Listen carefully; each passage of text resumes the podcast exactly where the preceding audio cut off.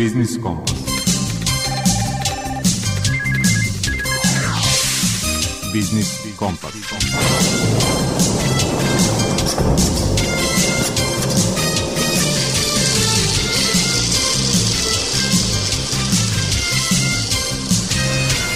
Pred mikrofonom je Đuro Vukilić. Dobar dan poštovani slušalci. Na početku smo najkraćeg meseca u godini i novog izdanja Biznis Kompasa. A evo ukratko i sadržaja emisije. U rubrici Aktuelno urednik časopisa makroekonomske analize i trendovi Ivan Nikolić komentariše spoljno-trgovinski bilans srpske ekonomije u prošloj godini. Miloš Turinski iz agencije Infostud u rubrici iz mog ugla govori o stanju na tržištu rada. Koji su radni profili najtraženiji? Rukovodilac projekata u regionalnoj razvojnoj agenciji Bačka Marija Prokopić u rubrici Svet preduzetništva najavljuje konkurs pokrajinskog sekretarijata za privredu i turizam namenjen malim i srednjim preduzećima za nabavku mašina i opreme. Prednosti takozvanih instant plaćanja tema su rubrike Predmet financije i izlaganja savjetnika za zaštitu korisnika finansijskih usluga u Narodnoj banci Nikole Đukića. Pravni savjetnik u Udruženju potrošača Vojvodine Mladen Alfirović u rubrici Potrošačka korpa prava upozorava na neretku praksu trgovaca da na blagajni obračunavaju višu cenu robe od one istaknute u rafovima.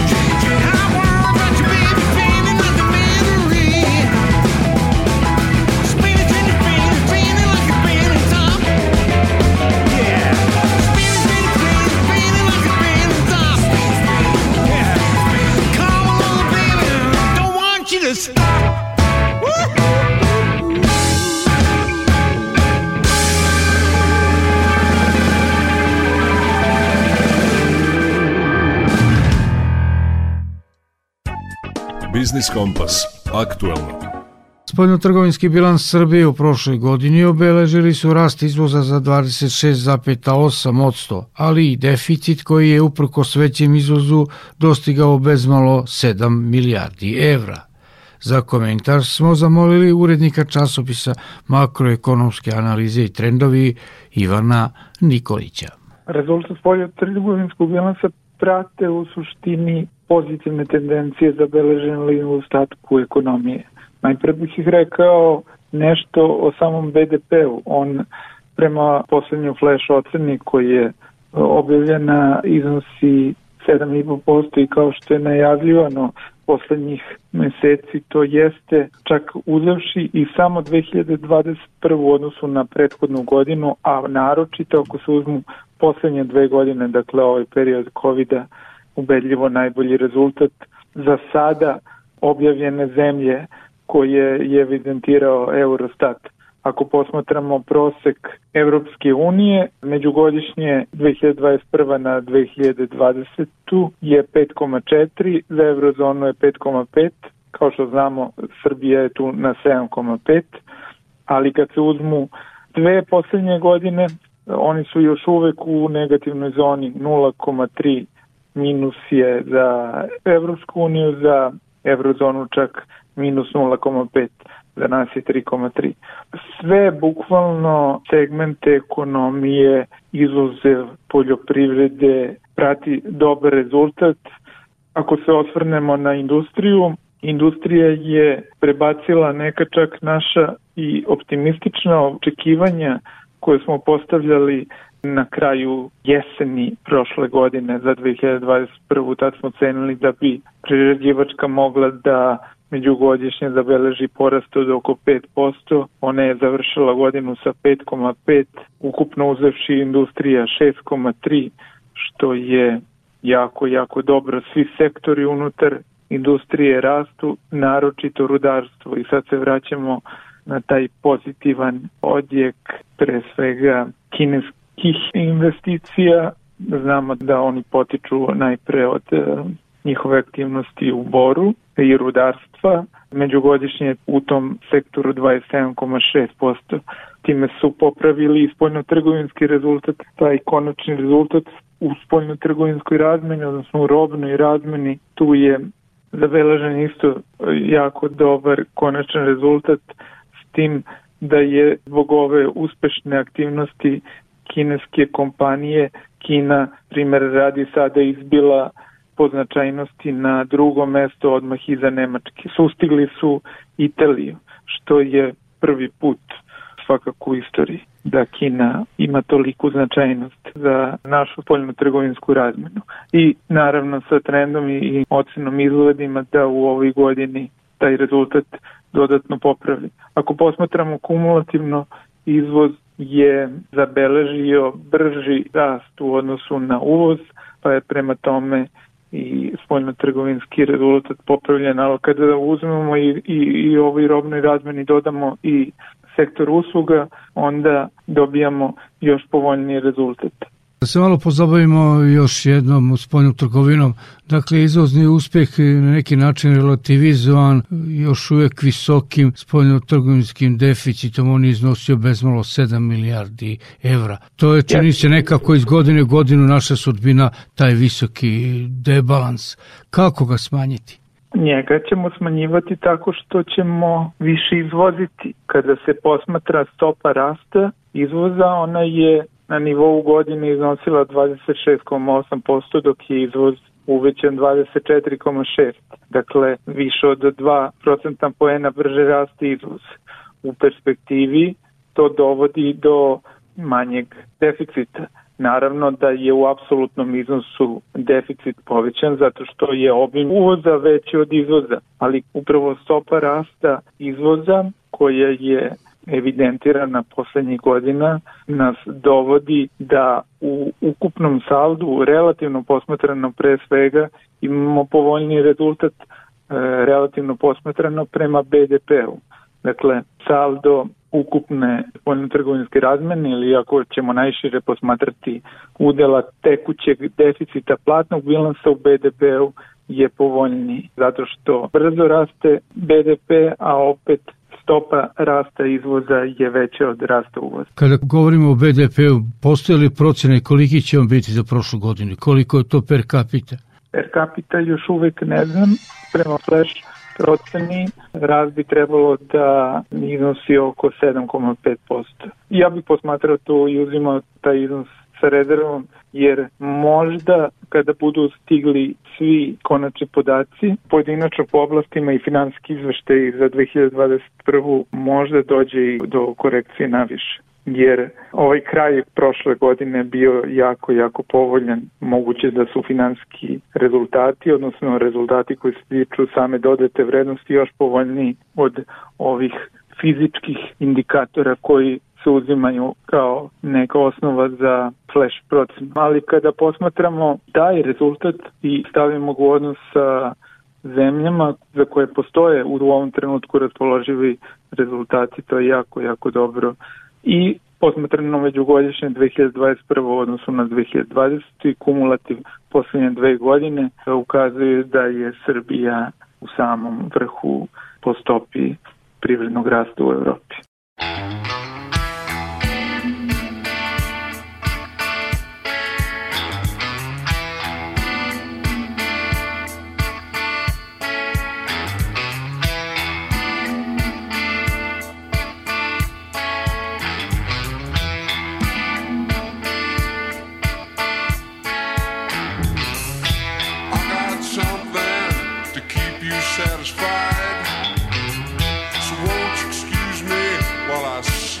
side.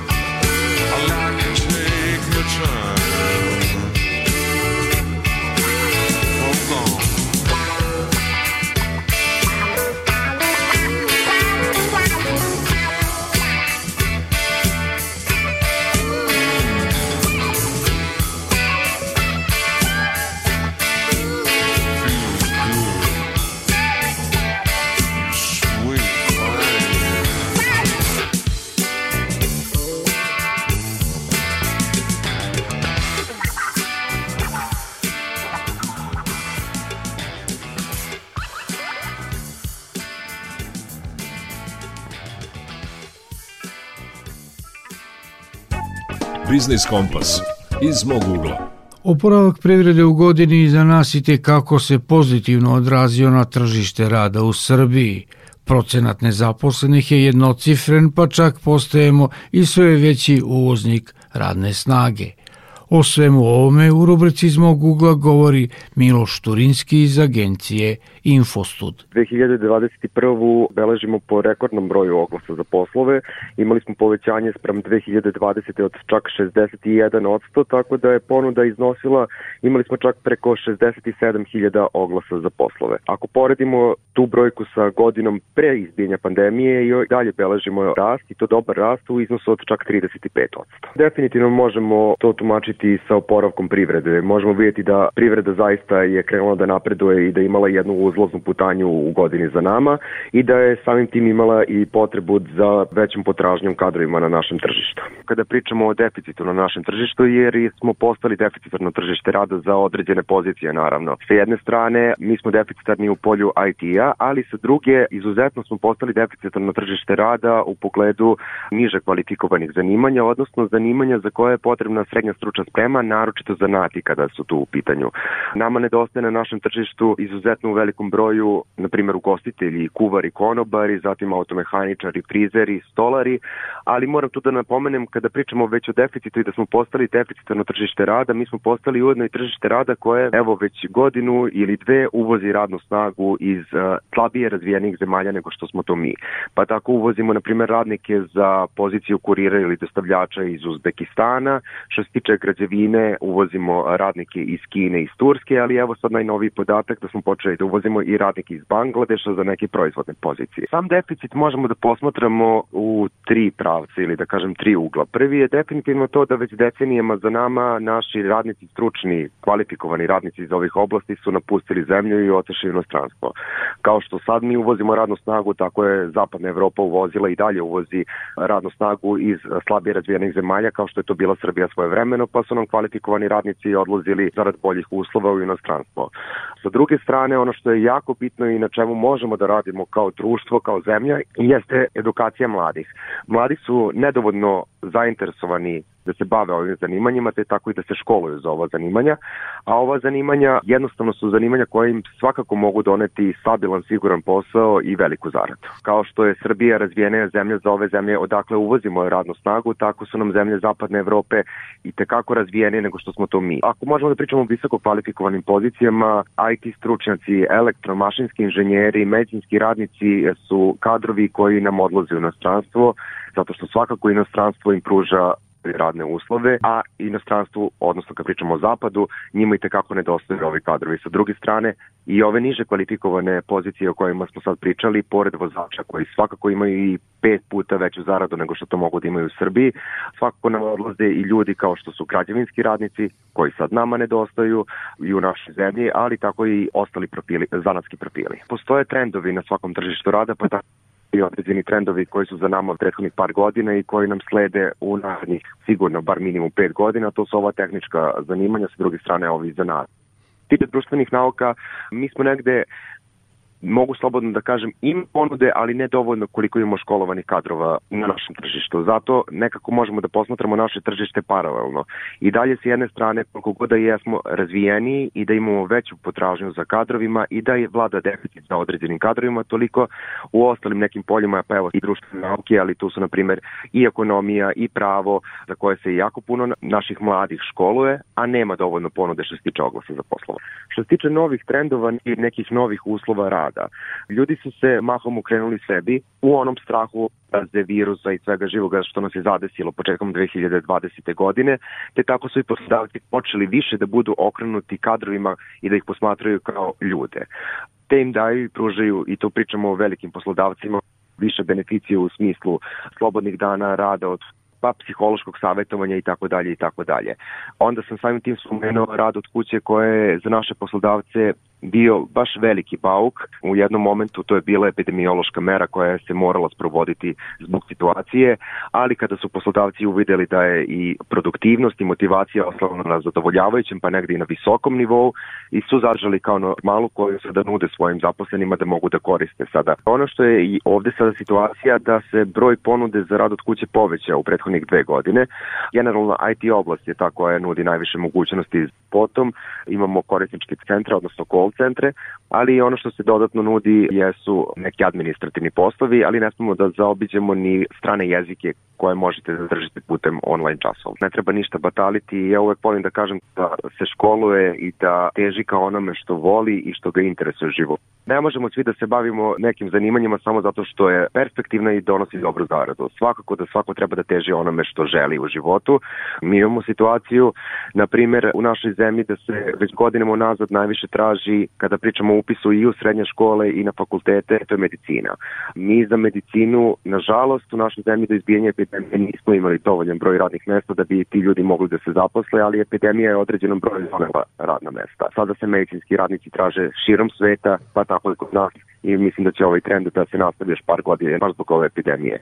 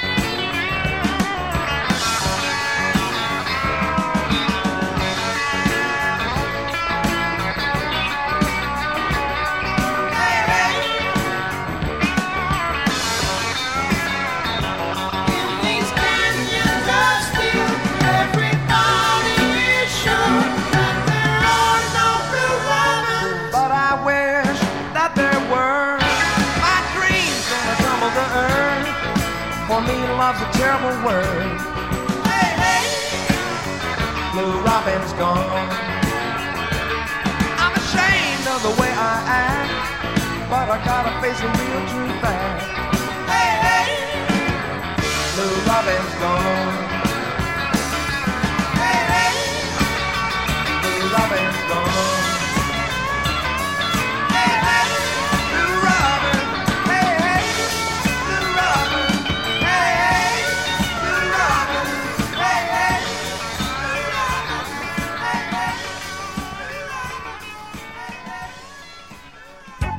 Biznis Kompas. Svet preduzetništva. Rukovodilac projekata za razvoj malih i srednjih preduzeća u regionalnoj razvojnoj agenciji Bačka Marija Prokopić u današnjoj rubrici Svet preduzetništva najavljuje konkurs pokrenjskog sekretarijata za privredu i turizam namenjen malim i srednjim preduzećima za nabavku mašina i opreme.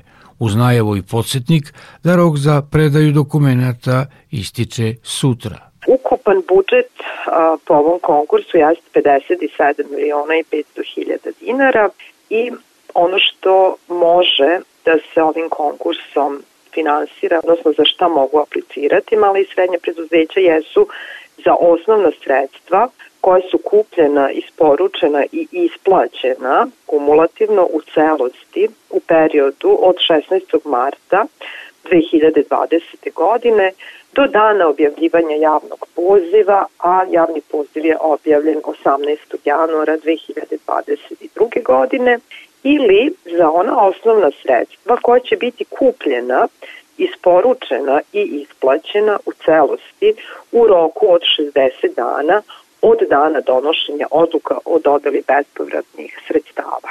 Znači, po ovom konkursu mala i srednje preduzeća mogu da, da im budu refundirani troškovi opreme koje su nabavili ili opreme koja će tek biti nabavljena. Inače, osnovna sredstva treba da budu u skladu sa delatnošću privrednog subjekta i moraju biti novi i namenjeni za profesionalnu upotrebu. Izuzetno na predlog komisije za sprovođenje javnog konkursa može se odobriti subvencionisanje troškova za nabavnu polovne mašine i opreme ne starije od 5 godina uz uslov da učesnik na javnom konkursu dostavi procenu vrednosti sačinjenu od strane ovlašćenog sudskog veštaka.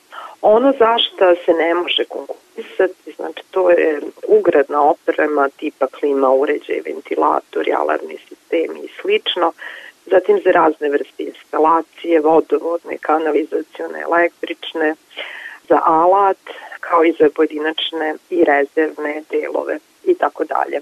A što se tiče iznosa koji mogu mala i srednja preduzeća da očekuju u vidu finansijske podrške od pokrenjskog sekretarijata za privredu jeste do 80% od fakturne, odnosno kupovne vrednosti bez PDV-a i bez zavisnih troškova nabavki i drugih troškova, a prema vrsti osnovnog sredstava. Inače, što se tiče sufinansiranja troškova mašine i opreme, one se odobravaju u visini od najmanje 300.000 dinara do najviše 3 miliona dinara, s tim da minimalna vrednost jedne mašine ili pojedinačnog komoda opreme ne može biti manja od 90.000 dinara bez PDV-a. Što se tiče nabavke softvera, sredstva se odobravaju u visini od najmanje 100.000 dinara do najviše 500.000 dinara, a nematerijalna imovina u visini od 50.000 dinara do najviše 300.000 dinara. Ko može da učestvuje, kao što sam rekla, znači mala i srednja preduzeća, preduzetnici paušalci, a, oni koji nisu iskazali neto gubitak u 2020. godini, znači da su pozitivno poslovali, da su izmirili dospele obaveze javnih prihoda, da nisu smanjili broj zaposlenih na neodređeno vreme za više od 10%, da imaju najmanje jednog zaposlenog, da u bilo kom periodu u toku tri uzastopne fiskalne godine, zaključno sa danom donošenja odluke o dodali bespovratnih sredstava, nisu primili dozvoljeni de minimis državnu pomoć, čija bi vistina zajedno sa traženim sredstvima prekoračila iznos od 23 miliona dinara i da za istu namenu u prethodnoj ili tekuće godine nisu primili bespovratne sredstva koja potiču iz javnih sredstava po nekom drugom programu državne pomoći ili iz drugih izvora finansiranja. Što se tiče potrebne dokumentacije, sve detalje vezano za ovaj konkurs kao i uh, template potrebne dokumentacije i spisak potrebne dokumentacije možete videti na sajtu Pokrajinskog sekretarijata privredu u okviru odeljka javni konkursi ili na sajtu regionalne razvojne agencije Bačka. Ono što je takođe bitno istaći jeste da je rok 2. februar, tako da svi koji su zainteresovani za ovaj konkurs imaju prava da konkurišu, trebalo bi da počulje sa dostavljanjem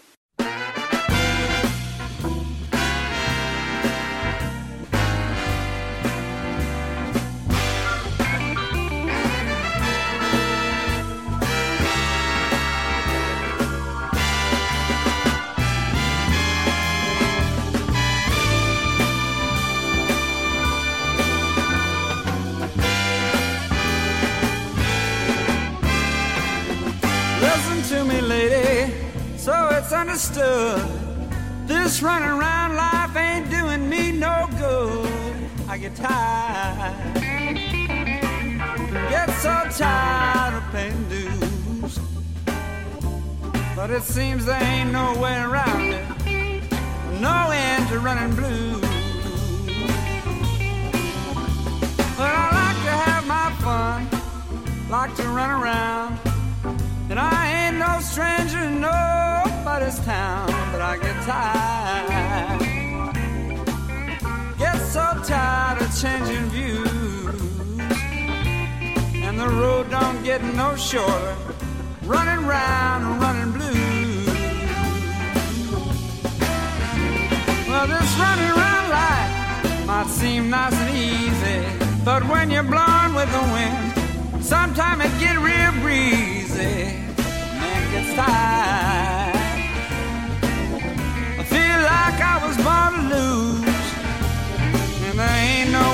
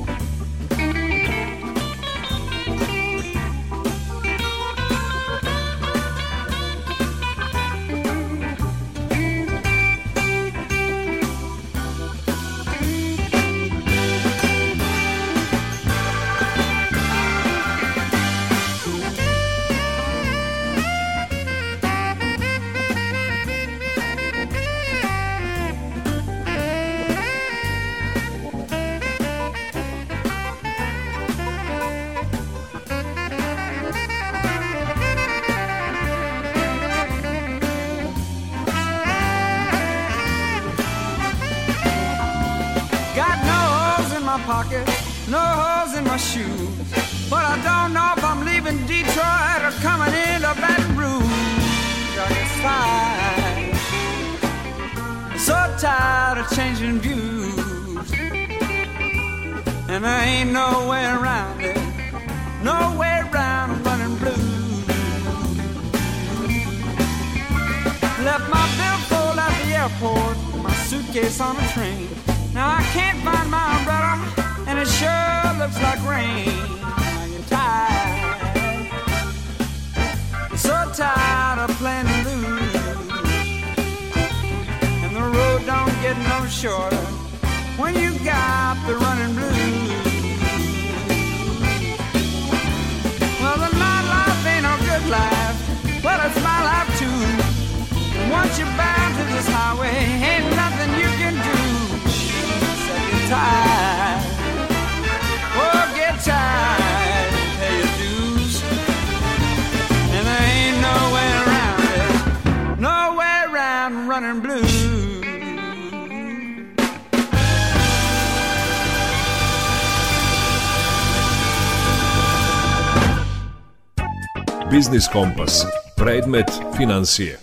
U rubrici Predmet financije savjetnik za zaštitu korisnika finansijskih usluga u Narodnoj banci Srbije Nikola Đukić govori o prednostima takozvanih instant plaćanja. Instant plaćanje, odnosno instant transfer odobrenja je domaća platna transakcija u dinarima koja se izvršava transferom odobrenja koji platilac, dakle lice koji uplaćuje novčana sredstva, može inicirati u bilo koje doba- dana tokom svakog dana u godini. Prilikom plaćanja, odnosno prenosa novčanih sredstava na platni račun primaoca plaćanja, platiočeva banka ili drugi pružalac platnih usluga treba da obezbedi da se nalog za instant transfer dostavi u platni sistem u roku od najviše 5 sekundi od trenutka prijema platnog naloga, uz navođenje ovog trenutka prijema kao vremena pripreme naloga za instant transfer u skladu sa pravilima rada sistema. Dakle, kada izdete platni nalog u instant platnom sistemu, vaša banka ili vaš drugi pružalac platne usluge dužni su da izvrše ovu transakciju u roku od 5 sekundi od trenutka kada ste izdali nalog, normalno ako su za to ispunjeni svi propisani i ugovoreni uslovi. Ako nisu ispunjeni uslovi prilikom pokušaja da uplatite sredstva u sistemu instant plaćanja, na primjer nemate dovoljno sredstava na računu ili niste ispravno popunili platni nalog, vaša banka ili drugi pružalac platnih usluga odbiće izvršenje vašeg platnog naloga i tom prilikom banka je obavezi da vas odmah obavesti o tome na način koji je utvrđen ugovorom o platnim uslugama koji ste zaključili, a ujedno je dužno da vas obavesti ako je moguće o razlozima tog odbijanja i postupku za ispraku grešaka koje su uzrok odbijanja, osim ako tako obaveštavanje nije zabranjeno nekim drugim propisom. Prilikom izvršavanja instant transfera odobrenja, pružavaci platnih usluga moraju obezbediti da se u nalogu za ovo plaćanje, dakle od platiočevog do primaočevog pružaoca platnih usluga prenesu najmanje sledeći podaci, to su broj platnog računa primaoca plaćanja i iznos instant transfera odobrenja, odnosno iznos transakcije koja je inicirana. Pored ovih podataka, vaša banka dužna je da prenese i podatke o vama kao platiocu, druge podatke o primaocu plaćanja, kao i podatke koji bliže određuju samo ovaj transfer plaćanja. Ako su ispunjeni uslovi koji su utvrđeni pravilima rada platnog sistema, Dakle, oni moraju obuhvatiti, rekli smo, najmanje raspoloživost novčanih sredstava na računu pružaoca platnih usluga, Taj nalog se onda prosleđuje do primaoca plaća, odnosno do njegovog pružaoca platnih usluga. Da podsjetimo, kod klasičnog plaćanja, odnosno izdavanja dinarskog platnog naloga u RTGS sistemu, platioče pružalac platnih usluga dužan je da obezvedi da iznos ove transakcije bude odobren na računu primaoca plaćanja istog poslovnog dana kada je primio platni nalog. Poslovni dan zapravo predstavlja dan, odnosno deo dana u kome platioče ili primaoče pružalac platnih usluga koji učestvuju u izvršenju naloga posluju tako da omogući izvršenje ove transakcije. To znači praktično radni dan banke ili pružalca usluga. Dakle, imajući u vidu sve navedeno, smisao opcije instant plaćanja jeste zapravo izvršenje platne transakcije u bilo koje doba dana, tokom svakog dana u godini i to skoro trenutno, odnosno u roku od najviše 5 sekundi kako je propisala Narodna banka Srbije. Ovo plaćanje se može koristiti prilikom svih vidova izdavanja naloga, odnosno transakcija, a posebno u situaciji kada je primao sredstava novac hitno potreban. E, ukoliko ste izdali platni nalog, vaš račun je zadužen, ali transakcija nije izvršena ili nije pravilno izvršena, treba da odmah obavestite vašeg pružalca platne usluge o tome, a on ima za odmah po saznanju, dakle trenutku kada ste ga obavestili da transakcija nije izvršena ili pak nije pravilno izvršena, možda u odgovarajućem iznosu, dakle obavesti da izvrši povraćaj ove transakcije na vaš platni račun, pri čemu su u slučaju platnog naloga kod instant plaćanja, da je rok za izvršenje, kako smo rekli, 5 sekundi, standard odmah po saznanju tumači još stroži u odnosu na situaciju kada je e, transakcija izvršena na osnovu standardnog platnog naloga. Dakle, banka je dužna da vaš platni račun vrati u stanje u kojem se on nalazio pre nego što ste ovu transakciju inicirali. Na kraju, prilikom izdavanja naloga za plaćanje u instant platnom sistemu, treba da proverite i da li je vaš pružalac platnih usluga, dakle banka ili možda platna institucija, naplaćuje određenu naknadu za ovu vrstu usluge. Ta naknada mora biti sastavni deo vašeg ugovora o platnoj usluzi koji ste zaključili sa, na primjer, bankom, a banke su takođe dužne da iznos ove naknade jasno istaknu i navedu u tarifi naknada koja se javno objavljuje i sastavni deo vašeg ugovora.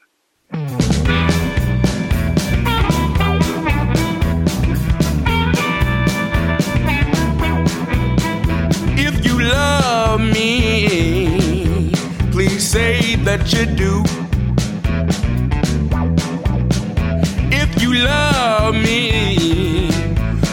Say that you do. If you love me, please say that you do. If you don't, I'm through with you.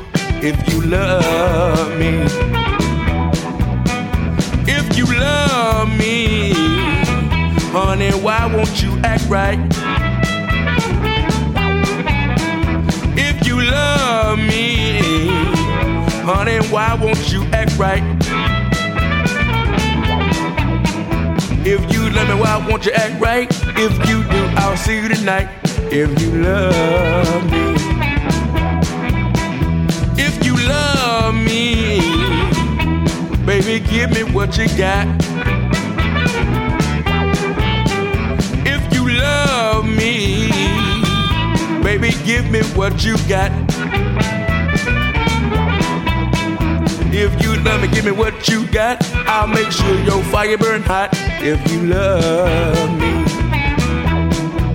Well, just as sure as the birds fly in the sky, I'll love you till the day I die.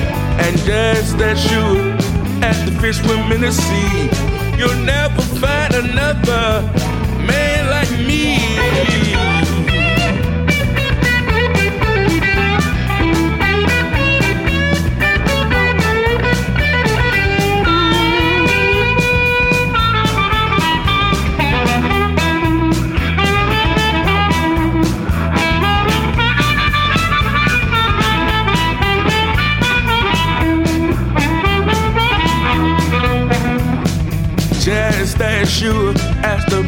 In the sky, I'll love you to the day I die. And just as sure as the fish swim in the sea, you'll never find another man like me if you love me. Please say that you do. If you love me, honey, say that you do. If you love me, please say that you do. If you don't, I'm through with you. If you love me. If you love me, please say you do. If you don't, I'm through with you. If you love me, yeah.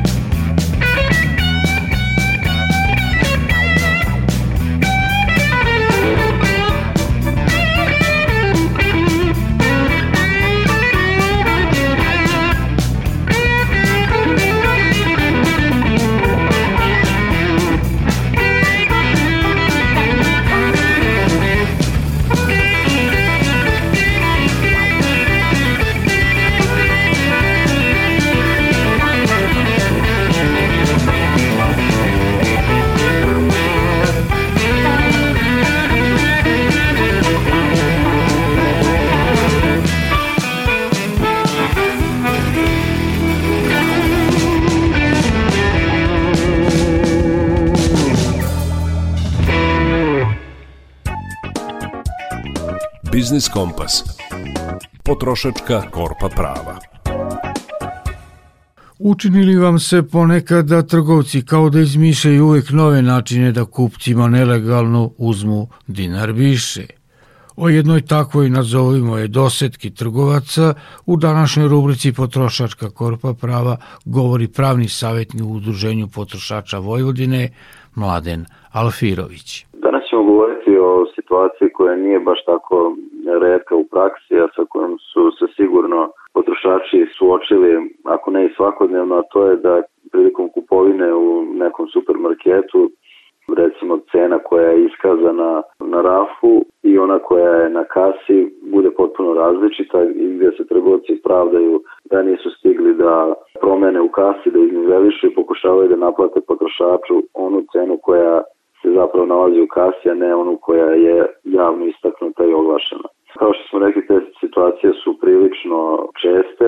Veliki broj potrošača nam se gotovo svakodnevno javlja sa tim prigovorima i to se pogotovo odnosi na robu široke potrošnje i na neku svakodnevnu kupovinu. Ovakvi propusti zapravo prodavce mogu skupo da koštaju, a organ koji je odgovoran za kontrolisanje ove poslovne prakse je tržišna inspekcija.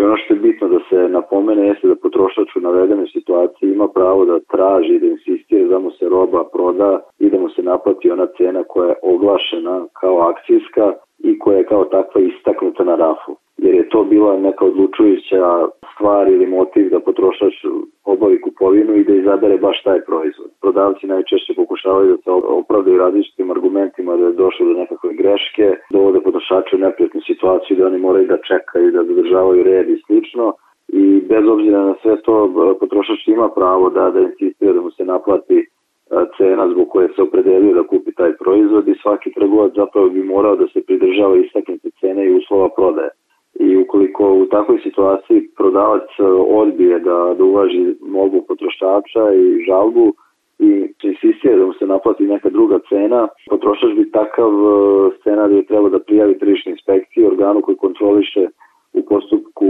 inspekcijskog nadzora da li takva poslovna praksa trgovca je zapravo nepoštena poslovna praksa ili obmanjujuća. Oni su ti koji će dati krajnji sud na osnovu tržišnog nadzora i mehanizma koji treba da se sprovede. I ono što generalno smatramo da bi kontrole morale da budu učestalije kako bi ove situacije bile izuzetak, a ne malte ne pravilo.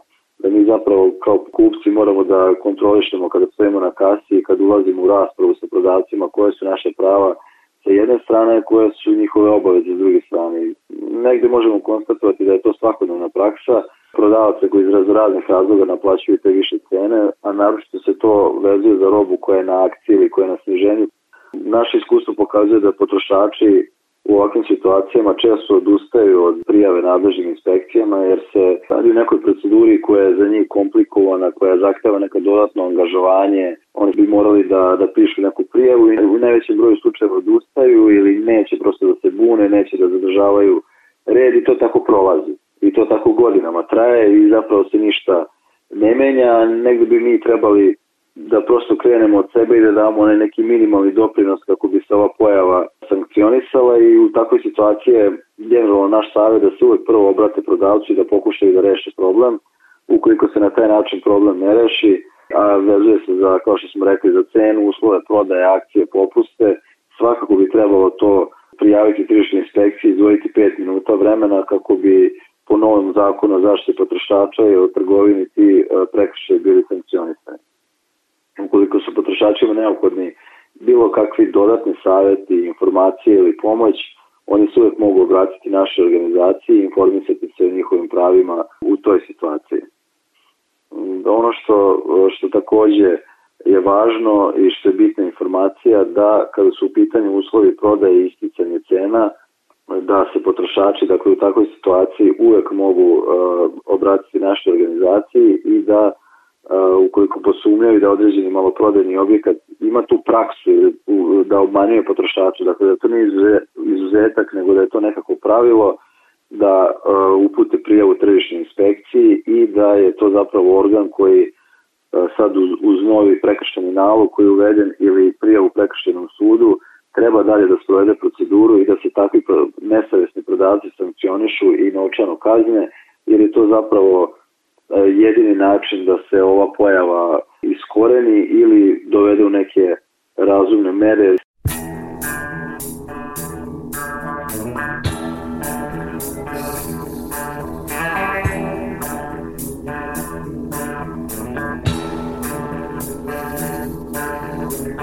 I'm young and able.